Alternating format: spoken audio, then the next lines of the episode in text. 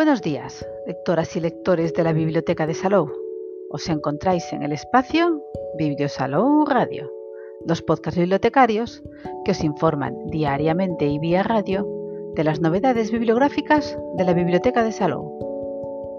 Los podcasts de los miércoles os hablarán de lo que podemos encontrar en las redes sobre una de las novedades de narrativa en castellano del próximo mes de agosto. Y hoy, 21 de julio, os presentamos la novela La mitad evanescente de Brit Bennett. En la reseña de la contraportada podréis leer. Generación tras generación, la comunidad negra del pueblo de Mallard, en Luisiana, ha intentado aclarar el tono de su piel, favoreciendo los matrimonios mixtos. Las inseparables gemelas de Siré y Estela Vignes, con su color níveo, sus ojos castaños y su cabello ondulado, son un buen ejemplo de ello. Tan distintas y tan iguales. Decidieron huir juntas del diminuto pueblo, creyendo que también podrían escapar de su sangre. Años después y ante la mirada atónita de todos, Desiree regresa acompañada de una niña negra como el carbón. Hace tiempo que no sabe nada de Estela, después de que decidiera desaparecer y renunciar definitivamente a sus orígenes para vivir otra vida como mujer de raza blanca. Aclamada como la digna heredera de Toni Morrison y James Baldwin, Brit Bennett es una de las grandes revelaciones de la literatura afroamericana de los últimos tiempos.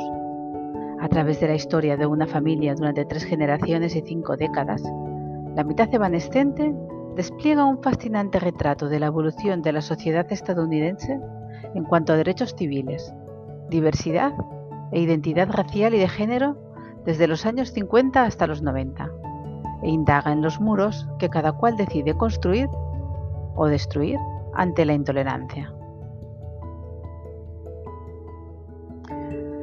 Rocío Niebla en el diario.es nos hace una acertada reseña de la novela.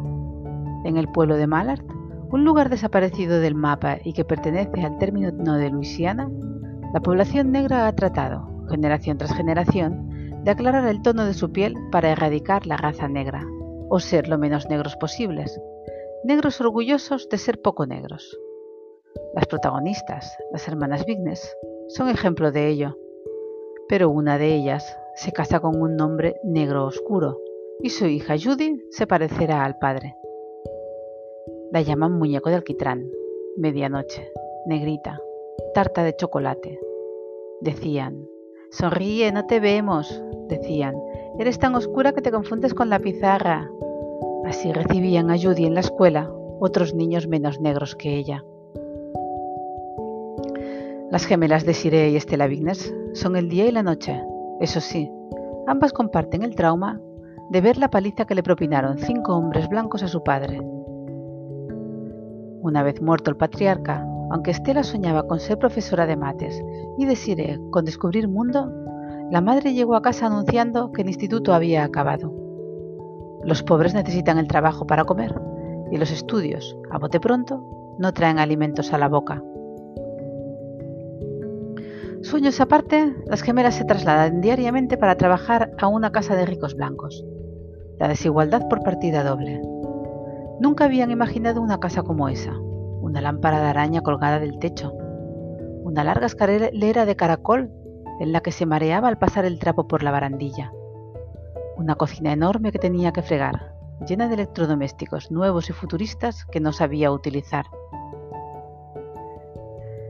El oro no reluce, sino que dos adolescentes explotadas abrillantan las vajillas para que el oro tenga brillo.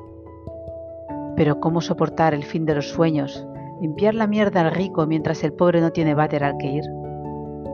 Es por eso que la hermana más decidida, Desiree, convence a su hermana Estela para escapar de Mallard y probar suerte en Nueva Orleans. Estela, mujer tímida y extremadamente precavida, sigue a su hermana por un motivo de fuerza mayor, por un secreto que tiene la forma del hombre blanco dueño de la lámpara de araña. Esta novela de Brit Bennett sigue los pasos de las dos hermanas, que, llegado a un punto, se separan por decisión de Estela. Desiree se casará con un hombre que la maltrata y tendrá a su niña Judy, pero terminará por salir de casa de su marido y volver a esconderse en Mallard. Desiree echará de menos toda su vida a su hermana, mientras Estela, aprovechando que puede confundirse con una mujer blanca, olvidará sus raíces y creará un nuevo personaje mintiendo sobre su pasado y su identidad.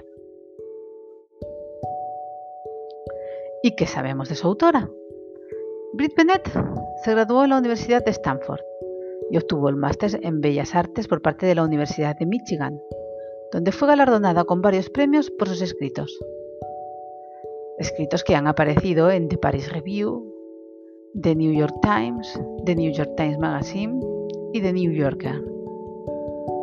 Las Madres, escrita en 2016, fue la primera novela de Brit Bennett Centrada en una comunidad afroamericana relacionada con la Iglesia del Sur de California, estuvo galardonada con el National Book Award 535 y en Francia fue finalista del Goncourt Médicis y ganó el premio Lire a la mejor novela extranjera.